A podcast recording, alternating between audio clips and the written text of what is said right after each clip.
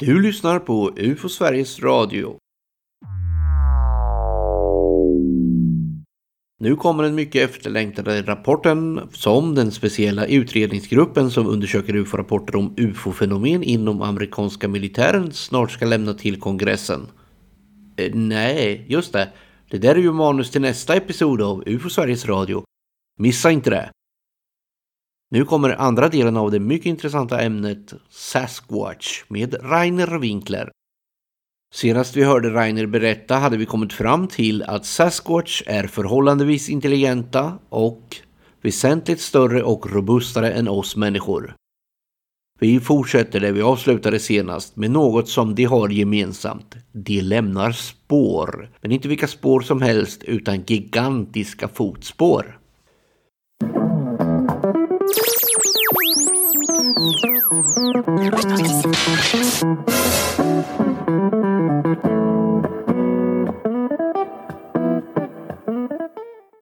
tog faktiskt med mig ett spår. Såg du det? Ja. Jag tog faktiskt med mig ett spår. Bara för att, nu ser ju inte de som lyssnar, va? men Nej, jättebra radio. Ja, men, men spåren är ju liksom det som egentligen är mest intressant tycker jag. Därför att observationer finns ju ständigt och jämt. Det kommer hela, varje vecka. Folk ser. Jag får ibland frågan så här, varför är det ingen som ser dem? Jo, det finns oerhört många observationer. Jag har träffat, varje gång jag liksom pratar med någon i stort sett där borta, eh, så, så kan jag få observationer. 2013 var jag ute i, vi kan inte komma till det här spåret men 2013 hade jag varit ute en vecka i skogen. Och sen tar jag in på ett hotell. Och där ligger Mårton. Mårton är en sån liten skogsindustri, en liten tätort. Då. Och var befinner vi oss? I Washington, staten Washington. Och det är alltså verkligen skogsland. Åker man in på skogsvägarna så ser man liksom inga hus, utan det är liksom skogsvägar, grusvägar. Man möter timmerbilar och sådär. Kanske någon gång om man, på hösten så möter man jägare. Men man ser inga stugor, det finns liksom inga torp eller någonting sådär. Men så kom jag tillbaka till det här, tog in på ett eh, motell där. Så en kvinna i 65-årsåldern som är receptionist. Och så frågar jag om jag får låna hennes dator som är där ute i foajén och så vidare. Och sen tankar jag över lite bilder. Och jag har ju plåtat en del. Så hade lite björnbilder och lite hjortar och fåglar och sånt där. Ja. Och sen då tittade hon på bilderna också. Det var lite intressant. Vi småpratade ju. Så frågade hon om jag var naturfotograf. Så sa jag nej, det är jag inte. Men jag har i alla fall kamera med mig ständigt och jämt. Och sådär. Just ifall. Och sen visade jag henne en bild på det som jag hade hittat tre spår i mossa. Tre stora spår som var ungefär 38 centimeter. I mossa kan man inte göra några avgjutningar. Men det såg mycket onekligen ut som någon hade gått där med stora fötter. Alltså så det var precis, du vet en mjuk mossa så trycks den ner. Va? Ungefär nedtryckt kanske, ska vi säga, 3-4 centimeter. Då tog jag bild på det. Då kom jag till bilden så frågade jag henne så här, eh, So do you know what this is? Or what do you think about this? Någonting så Och så lutar hon så här, Well, is that a Sasquatch track? Säger hon. Alltså, är det ett Sasquatch-spår? Och då sa jag, ja, kanske. Mm, jag tror nästan det. Hmm, säger jag. Uh, we have them here too, säger hon. Jag såg bara sådär, va. Och sen frågar jag henne, har du sett någon? Nej, jag har inte sett någon. Men min, min pappa, han var skogshuggare i Kalifornien, i norra Kalifornien. Och när jag var liten, berättade hon, då berättade min pappa väldigt mycket om det här med Sasquatch. Han såg aldrig någon, men han hade kollegor i skogen som hade sett. Och han sa så här, men de fanns där och man kände på sig de fanns där. Och ibland så kände man också lukten, because they smell. Sa hon då. Sådär va. På ett annat tillfälle när jag åker på Olympichalvön, ligger längst upp i nordväst. Alltså, tänker vi staten Washington, längst upp mot nordväst. så har man Puget Sound till öster och sen västerut så har man Stilla havet. Och sen norrut har man Kanada. Där åkte jag runt. Och så var jag inne i ett område som heter Kino. Och eh, det är ursprungsbefolkningen där.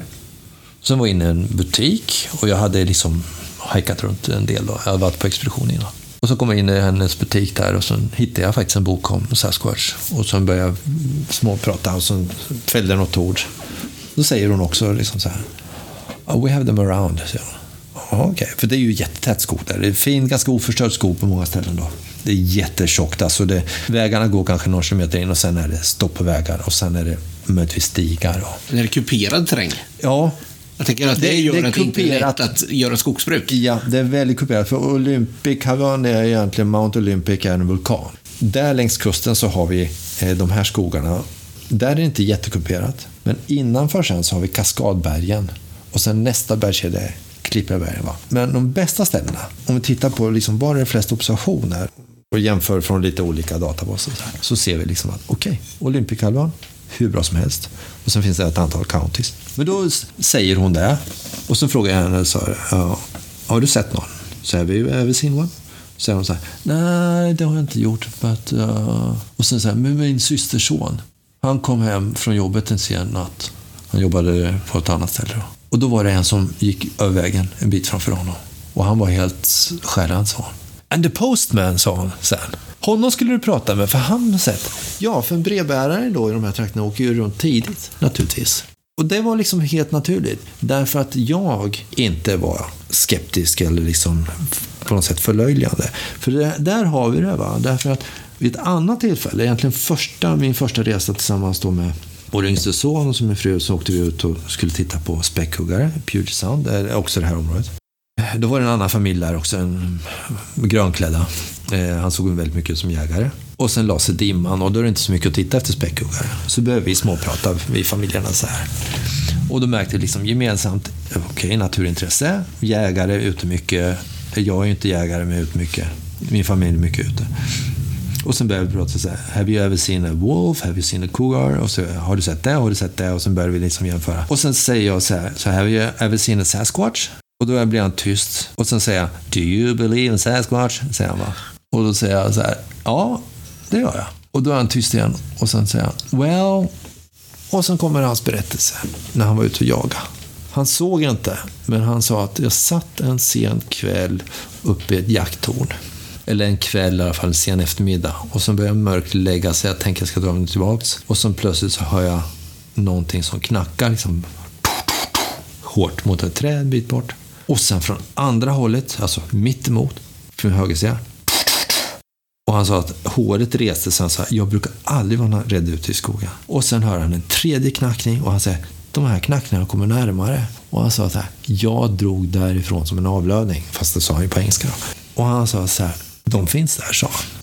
Men han hade inte sett dem. Men han testade ju mig. Jag tror jag frågade så här, have you ever seen a Sasquatch? Så svarade han, do you believe in Sasquatch? Hade jag sagt så här, haha, it's a joke. Då hade dörren, butiken varit stängd. va? Därför att det är så många som säger så här, "Ah, jag har inte berättat det här förut, därför att, ah, ah, ja, folk brukar skämta. Och, Men är det känsligt? det är känsligt därför att no one wants to be a nut. Nej, så är det ju. Ja, ja. Eh, och därför är det känsligt, därför att folk garvar. Jag har ju själv mött det när jag liksom, någon sa så här, Va? Håller du på med det här? Jag trodde du var en vettig människa. Det, har jag, det Ja, svaret har jag det fått. har ju jag också naturligtvis råkat ut för inom Så det, det är ju liksom rätt intressant. va? Och jag tycker vettighet handlar ju om att vara nyfiken på det som inte är förklarat och söka en förklaring. Det är det som är vettigt. Absolut. Ovettig är att vara avfärda någonting. Ja, för att data måste man förhålla sig till. Va? En av de mest spännande berättelserna var för två år sedan när jag var, jag åkte upp, det här är också staten Washington, det är där jag rör mig för jag tycker liksom, det blir som mina hemmamarker då. Då åker jag upp för, här, eh, norr om Mount Rainier, nästan mitt namn alltså. Skogstrakter, väldigt, väldigt, väldigt bergigt. Sen åker jag med bilen eh, på sån här dead end-väg då, va? men åker ganska långt, stannar, kliver ur, lyssnar, gör som jag gör i Sverige. Jag lyssnar, jag spanar, jag lyssnar. Sen tar jag liksom kikan och spanar av bergskammar, bergsryggar och sådär. Har bra utsikt då. Hör inte så mycket mer än Eh, faktiskt sparvuggla, för det är hon samma art där. Och sen kan man höra något som heter kråsuggla och lite så här. Man hör och så kan man se några hjortar. Så ser man ibland några spår, då stannar jag och kliver ur och så vidare. Men så såg jag på långt håll, eller hörde först en bil som kom. Och sen såg jag ju, eftersom det började bli mörkt då, lyserna. Sen kom det en bil och sen stannade han. Så var det en snubbe, några år yngre än jag, och blev förvånad. Så frågade han, aha, eh, frågade vad jag gjorde. Och så sa jag, looking for wildlife. Och så sa jag så här, ah, okej, ja det gjorde ju han också. Så här. Och frågade, har du sett något? Ja, Ja, jag såg faktiskt en eh, coyote, sa han, som sprang över vägen precis när jag kom här. Och sen några hjortar och så. Så vi delade upplevelsen. Så här. Men så frågade han så här, men hur kommer det sig att en svensk åker hit för att titta på djur? Det är egentligen för Sasquatch, så jag. Jaha, sa han. Ja, jag har Jag har en eh, kompis som eh, säger att det här området är bra för Sasquatch. Jag tänkte jag skulle åka hit, hehehe, säger han då. Och så sa jag att, ja, fast jag brukar regelbundet åka hit. Alltså till Washington. Och så tvekade han lite grann så här. Ja, äh, det är egentligen jag som är intresserad, sa han. Så han var ju också det här med att liksom testa, var är du? Va? Sen pratar vi, han är jägare, allmänt naturintresserad, hajkar ganska mycket och sådär. Och sen frågar han om mina upplevelser, mina erfarenheter. Jag berättar om mina erfarenheter, vad jag har sett och hört. Och sen berättar, frågar jag honom och så vidare. Och han har ju aldrig sett någon och så vidare. Sen säger jag att ah, jag, tänkte, måste åka vidare. Ja, kan jag hänga på, säger han. Så åker vi liksom följer va? och så stannar vi några kilometer längre fram på ett område som spanar och lyssnar och så här. Och vi pratar mer och mer. Eh, sen är det mörkt och sen säger han, jag faktiskt såg några spår för två år sedan. I januari, det var snö. Och sen pekar han liksom på kartan. I det här området då. Det är avspärrat egentligen, man får inte åka där, sa han. Alltså på vinterhalvåret. Men jag hade tagit några bärs och eh, var tänkt så här, ja, jag mådde inte riktigt bra så jag ville ta en tur. Så jag åkte in på de här vägarna och det var väl snön då. Han hade ju en bra jeep. Kanske bara 10 cm på vägen så han åkte in på de här skogsvägarna. Och sen sa han så här att han hade druckit mycket bärs så var jag tvungen att kliva ur bilen. Och sen jag kliver ur bilen och så kissar jag och sen ser jag, men shit alltså det är ju spår här. Och sen ser han spår som kommer ut från en buske. Och sen löper ungefär 15 meter och sen försvinner de in bland buskar på andra sidan. Och han sa att plötsligt blev jag spiknykter alltså. Bara, puff, liksom så här. What? Och han tänkte så här, han kände så här, ah, jag får inte vara här. Tänk om det är en ranger som kommer på mig. Så här. Och så han hämtar ficklampan, så lyser han. Så ser han så här, stora spår och någon som har gått barfota i snön här. Men det var uppenbarligen inte helt nyligen, för det låg barr i spåren. Så det var några dagar. Va? Och så jättekonstigt ut, för de var precis på en rak linje, de här spåren. Ungefär som man går på lina, va? Stora klipp. Tog du någon bild då, så jag. Ja.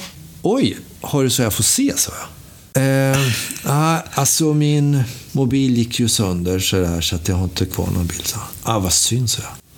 Sen pratar vi vidare, vi lyssnar. Sen efter fem minuter så tar han fram mobilen och sen, sen visar han, nej jag har, har bild alltså. Så visar han så här. Och sen sa han så här. Det sitter långt inne. Ja, det gör ju det. Och sen säger han så här. Uh, My friends used to tease me for this. Alltså mina kompisar brukar reta mig för det här. Så han var liksom så här, jag vill inte bli förlöjligad och så vidare, men han, han märkte ju vem jag var på något sätt, att jag liksom hade ett seriöst intresse. Så jag bad honom skicka bilden till mig och den är jätteintressant. För man ser ju tydliga spår här, det är precis den här linjen då. Och eh, där har vi det. Va? Så det är ju spåren som finns där. Och spåren stöter man på. Det är det här spåret jag har framför mig nu. Och så ser vi att det är ju väldigt stort. Jag vet inte, hur, hur, vad har du för skostorlek? Ja, 42 kanske. 42. Ska vi mäta din sko under här? Så ser vi. Och nu så då. Där va. Då hamnar din sko på ungefär 29 centimeter. Nu har jag ett fotspår. Alltså, det är ju ett negativ. Det är ju av ett avtryck. Eh, som blir det, ett fotavtryck blir ju ett negativ. Och sen gör man avgjutning så blir det ett positiv igen. Det blir ju liksom tillbaka. Va? Så det här är ju fotens form. Och det är en storlek 42 sko, alltså inte din fot, den 40, var 29 centimeter. Och det här avtrycket från häl fram till stortåns spets är 37,5. Så den är ju väsentligt längre än din fot, eller hur? Oh ja. ja. Och ska man på med skor här så blir det ju riktigt stora skor. Sen, vad är det mer du noterar när du tittar på det här avtrycket då? Vad skulle du lägga märke till? Att det inte finns någon hålfot. Nej, just det. Här, det, nu, jag har flera avtryck hemma, men det här är från 1967. Det finns ett berömt klipp med, som heter Patterson Gimlin footage. En filmklipp när två stycken som faktiskt är ute efter att kanske hitta Sasquatch, för att det är ett område där man har haft mycket spår under många års tid. Rider runt och de är väldigt vana ryttare. Eh, Bob Gimlin som är med, han är cowboy egentligen från Yakima. Och Patterson då som är egentligen jättefascinerad av det här. Han vill ta med sig Gimlin. Gimlin är liksom lite mer sådär, ja, ljum. Eh, varken en liksom believer eller någonting, utan han liksom, okej, okay, jag liksom hänger på. Men han är en bra ryttare, jättevan vid hästar. Och sen rider de faktiskt eh, mitt på dagen och sen kommer de runt, de rider en ravin och sen eh, kommer de runt en krök, då, där, en bäckrök. Och sen plötsligt så ser de den här varelsen jättenära sig. Det är alltså 10 meter ungefär. Hästen då kastar av Patterson som har kameran. Och eh, Gimlin sit, lyckas sitta kvar, fått fatt i den andra hästen då. Men Gimlin tar fram sin bössa för säkerhets skull då. De är ju cowboys. Patterson letar liksom febrilt efter att få upp sin liksom 16 mm kamera och få igång den, men har väl en puls på 200 kan vi tänka. Springer och den här varelsen då går ju iväg väldigt snabbt eh, bortåt. Och han filmar och han springer och han filmar. Och så är det ju väldigt skakig film. Men numera så har man ju möjlighet att stabilisera det här. Va? Och den här hittar man ju på internet om man Den hittar på Patterson Gimlin. Gimlin och den är jättevanlig. Och det finns stabilized version och så vidare. Va? Och den kan man titta på. Och sen, eh, sen har det varit mycket diskussion och de, de blir ju eh, liksom, wow, nu har vi beviset här. Så de tar ju kontakt då med, bland annat med motsvarande Naturhistoriska riksmuseet, Smithsonian Institute, och de tar ju kontakt med kanadensiska museer och så vidare. Och så här. Men de här är ju inte vetenskapsmän. De är egentligen cowboys som är intresserade. Så de kanske inte hanterar det här så riktigt vetenskapligt. Men kameran var modern för tiden. absolut, 16 mm är en bra kamera. Det, det, det ger bra. Men, men skakigheten, i och med att han rör sig när han filmar, den blir ju problematisk. Va? Men man ser väldigt mycket, om man tittar på henne, hennes muskelsättning, hennes sätt att gå och alltihopa. Vad säger hon då? Därför vi ser att hon har bröst också. För min del så är den här filmen, den är ju liksom, eh, det är det bästa beviset vi har. Därför att rent fysiskt så ser vi att det här är inte är människa. Nu behöver inte du och jag gå in på detalj och liksom allting. Va? Men vi kan, man, man kan göra mått, man kan göra beräkningar. Hur lång är hon och så vidare. Det har man gjort. Men folk av idag skulle ha problem med att se filmen som den var från original. Ja, när man visade det här då för sådana som gjorde Apornas planet på 60-talet så konstaterar då kostymmakarna att vi fixar inte det där. För då tycker jag så här, om ni går in och tittar på Patterson Giblins Stabilizer, ta då också och titta på Apornas planet från 60-talet som har rätt mycket pengar bakom sig. Och här pratar vi om två stycken. Idag kan man ordna det här, va? men de sa så här att ska vi ordna det här så måste vi först och främst hitta en person som är väldigt stor, 2,10. Sen ska vi limma fast håren. Problemet blir ju armlängden, för armarna i förhållande till benen är mycket, mycket längre. Det finns ett jättestort problem. Det här blir ju ett jättesvårt dilemma för många forskare. Eh, många avfärdade bara det här, men det fanns några eh, som eh, biologer som faktiskt konstaterar och säger så här att ja, filmen verkar vara sann. Samtidigt så är det helt obegripligt att vi skulle ha en art som inte är beskriven. Så därför säger jag pass. alltså, data talar för det, men däremot föreställningen, det vill säga så att det ska finnas någonting som obeskrivet. Det här fotspåret sen, den här varelsen lämnar ju då Patty, som vi kallar det, alltså Patterson då, eh, Sasquatch, hon lämnar ju spår efter sig. Och det här är ett av spåren jag tog med. Och det är intressant att just fotavtrycket i sanden, den, ser man, den är fotad, för den kom dit några foresters efteråt, alltså från skogvakter och så vidare. Som visste om att filmen var tagen. Ja, de hörde ju, det här ryktet spreds ju. Ja. Så då åkte de där, vi åker dit och tittar på spåren. För det, spårserien var ju över flera hundra meter eh, i den här sanden då. Och sen Och hur långt ser man på filmen? Ja, det ser man, man ser ganska lite. Det, totalt sett är det liksom, man brukar säga 350 eh, filmrutor någonting, men det är väldigt skakigt och så vidare. Eh, det, det är, han tappar ju väldigt mycket tid i början, så hon är ju en bit ifrån. Man ser väldigt mycket. Det där kan vi lämna till folk att titta. Men det är tillräckligt många sekunder i alla fall för att kunna säga att det är bra. Det intressanta är ju då så att, okej, nu har vi också spår. Och sen har vi andra som kommer dit och konstaterar hur spåren är. Och bland annat de här skogshögarna. Eh, han som tar bilden då, Lyle Leverty heter han. Intervjuas senare för att han blir alltså på motsvarande Naturvårdsverket under Bush... Bush-administrationen. Så blir han en av toppcheferna. Och han säger ju inte bu eller bä till Sasquatch. Men han säger så här, fotspåren fanns där. Vi hittade inte en förklaring. Vi var tre stora, tunga män. Jag var själv ganska ung, men jag var rätt tung. Vi provade att hoppa i sanden och vi kom inte lika djupt. Och- Det är som, som en Ja. strand alltså där. Som en strand, va? därför är det ju liksom en creek. Det är ju Ja. liksom en liten flodbädd där. Va? Jag tänker det lite materialet som den... Ja, Och då, det måste bli väldigt bra spår. Det blev väldigt bra spår. Problemet är att det började regna sen eh, någon dag efteråt, men de täckte över. Så det var flera som oberoende som kom dit. Då. Det här är ett av det, det här är faktiskt ett avtryck av det spår som den där Lyle fotade. Därför att Patterson och Gimlin gjorde väl ett litet misstag egentligen. Och det är kanske det som man skulle göra. Man letar efter bästa spåret och sen gjuter man av det bästa spåret. Men rent vetenskapligt, om, man, om du och jag skulle hitta tio spår, om vi ska bidra till vetenskapen, då ska vi gjuta av tio spår på rad. För då ser vi dynamiken i foten. Vi ska inte välja liksom det här, det här är plattast, snyggast. Utan vi skulle välja en spårserie för att se hur tår, tårna förändras. Då kan man göra något mer av det. Ja, för då har vi en dynamisk fot. För foten är dynamisk därför att vi har olika underlag. Det rör sig. Va? Och det här avtrycket som du sa, det har, inget, har ingen hålfot. Sasquatch har inte en hålfot som vi har. Därför vi har inte alltid haft en hålfot. Vår hålfot som stabiliserar vår fot, den kom till ganska sent i vår utveckling. Och den är jättebra för oss om vi ska gå på långa sträckor på plan mark. För det stabiliserar, vi blir inte så trötta då. Medan det här visar på att spåren visar egentligen här då skriver Jeff Meldrum om, som du läste den här boken. Ja. ja eh, att eh, det kallas för midtarsal break, alltså eh, mellantarsialt brott. Om man tänker sig så här att en, en gorillas och en schimpansfot är inte fixerad. Den är inte eh, liksom låst med, någon, eh, med något fotvalv. Så utan den är rörlig, vilket är väldigt bra om du ska klättra och uppåt. Det här är inte en klätterfot, men, men den är liksom lite ursprungligare. Innan den här liksom, evolutionen för ungefär kanske två miljoner år sedan, en och en halv miljon år sedan, stabiliserade vår fot. Då. Och då kan man tänka sig, det här är data. Och sen går vi tillbaka och sen jämför vi med människans utveckling, fotens utveckling. Så hittar vi precis det här. Så konstaterar man också så här, hälen verkar lång. Väldigt många som säger att avtryckarna verkar ha en lång häl. Tittar vi på Patson-klippet så ser vi att hälen är lång.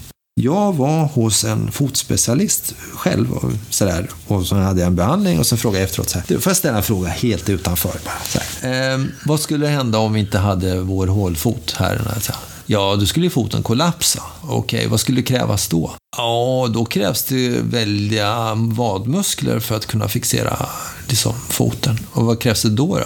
Ja, då måste du ha en längre häl för att kunna fästa musklerna, alltså soleus som vi har längst ner här i, här i underbenet. Då. Säger den här personen till mig utan att veta att jag är ute efter förklaring till Sasquatch. Tittar vi på Homo erectus, vår farfar och de fossila fynden så ser vi att hälen hos våra förfäder var mycket längre. För det krävdes för muskelfästena. Så vår häl har gått tillbaka evolutionärt. Och det är det som är så intressant. För, för titta på spår. Spåren här, de ser ut så här. Som jag visar dig. Sen kan storleken variera. Då jag har...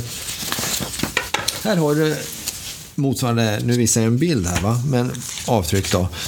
Men de minsta spår som jag har kompisar som har fotat, de är bara 8 centimeter. Så det är klart att det finns små. Då tänker jag barn. Ja, det finns barn. Eh, därför att här pratar vi om population. Men det är mot det ovanliga. Men jag har eh, tre bra bilder på eh, olika små fötter. Någon på 8,5, någon på 10, någon på 11 centimeter. Den här som vi tyckte var halvstor, då, 37,5, som var lite större än dina, 29 centimeter det är ändå en hona.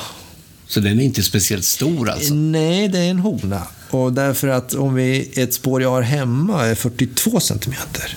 Och det spåret är ett, det mindre av två stycken som några poliser göt av 1982 som i något som heter Grace Harbor. Också det här området på Olympic-halvön.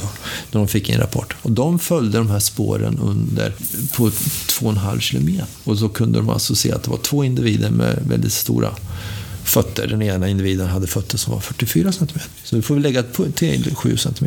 Då har vi alltså 15 cm större fötter, då, längre fötter. Då är det inte så svårt att förstå att man, att, eh, att man har fått det här epitetet Bigfoot. Exakt. Där, där har vi liksom Bigfoot-epitetet. Man känner ju igen foten ändå som relativt mänsklig. Väldigt mänsklig. Ja, vi ser ju liksom att, ja men här, här har vi ju tårna och så. Eh, relativt sett så brukar man ju säga så här att, kanske inte syns på det här avtrycket, men deras stortå förhållandevis sett mindre än vår. Vi har en ganska stor stortå.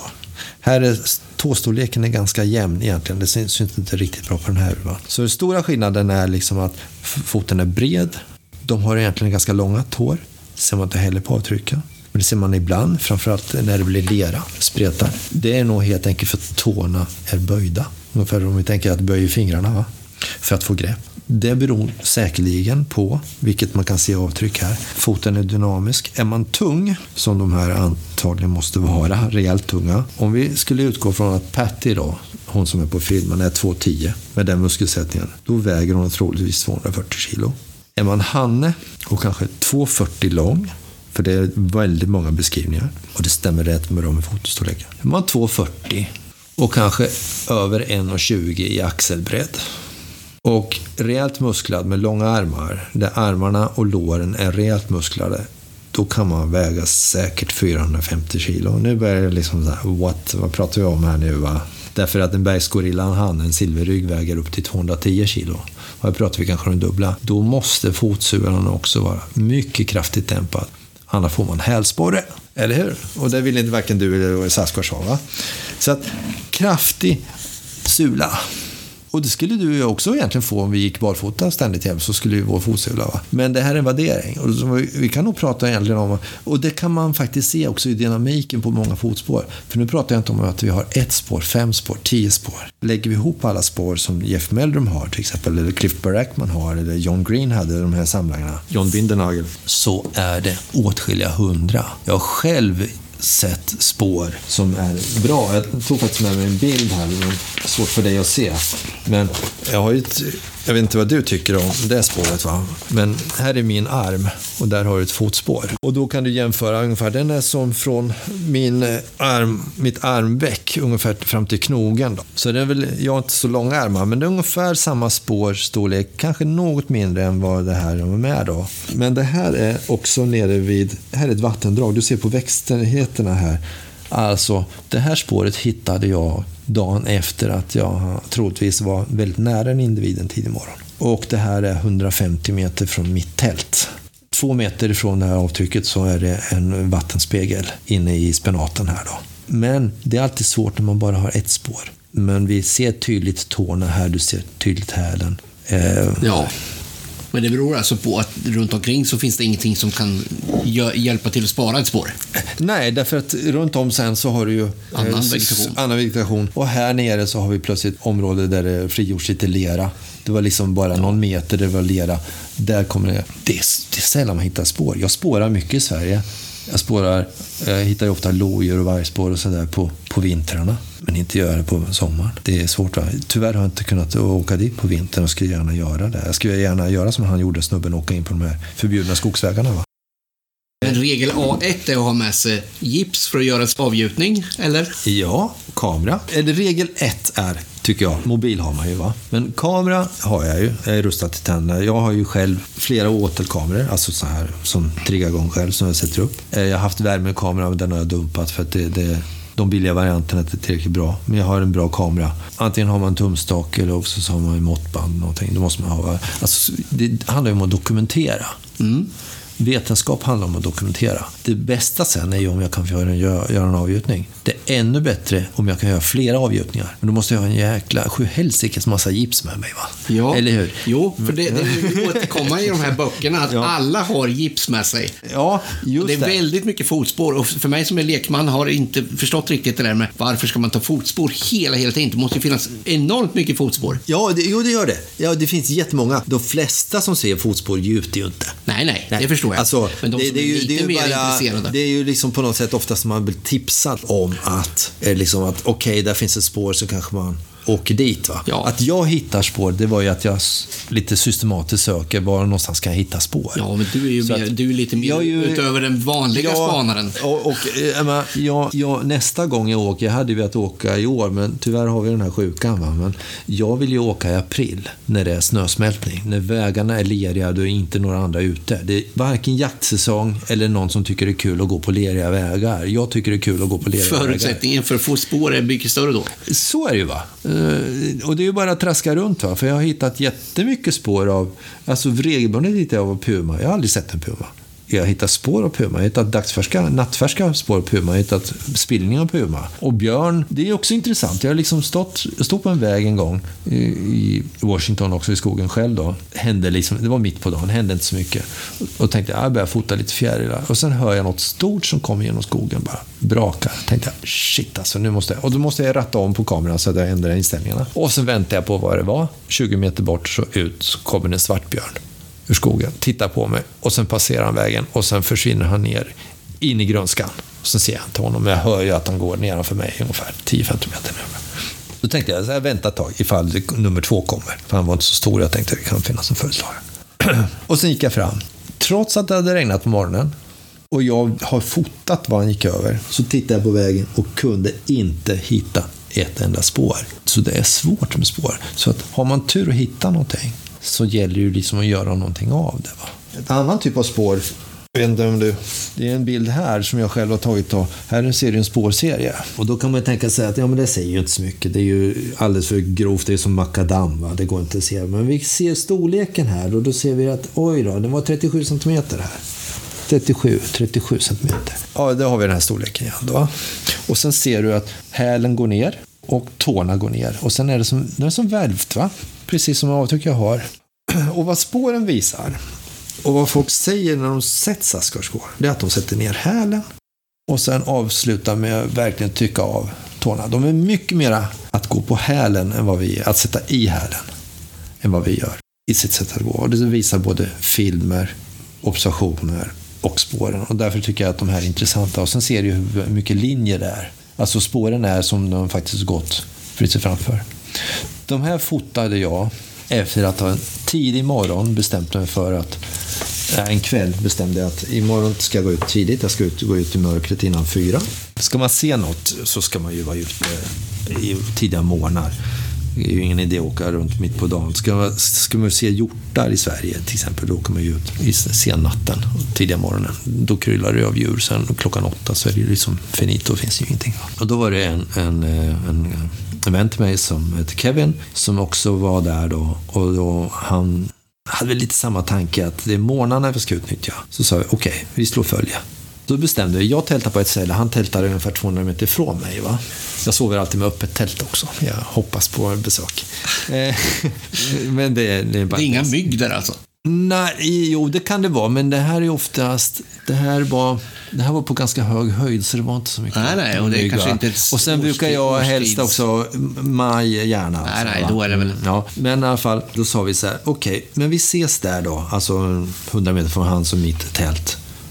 Och sen hade vi pannlampa, men vi har pannlamporna släckta. För varför ska vi gå och trycka bort allting? Va? Så att då går vi i mörkret, men vi går på den här grusvägen så vi ändå ser den här man ser en väg lite ljusare så ögonen vänjer sig ganska jo, snabbt. Ja. Och det, sinnena, övriga sinnen blir väldigt bra. Va? Så tänkte vi, okej, okay, vi går. Eh, vi går till en höjd en bit bort. Och sen hade vi bara gått några hundra meter. Så är det någonting som var boom, boom, boom. Med stora, tunga steg.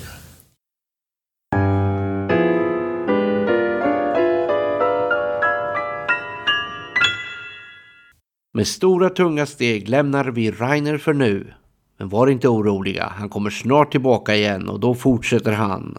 Var så säkra. Ska jag nämna en webbplats som ni bör besöka blir det av naturliga skäl ufo.se. Där finns mycket information men kanske inte så mycket om just Sasquatch. Finns det någon webbplats där ute som bör nämnas så skicka gärna ett mejl till info.ufo.se med lite info om varför just den är värd ett besök. Ni som redan är medlemmar i UFO Sverige vet att årets riksstämma med årsmöte hålls online den 30 maj 2021.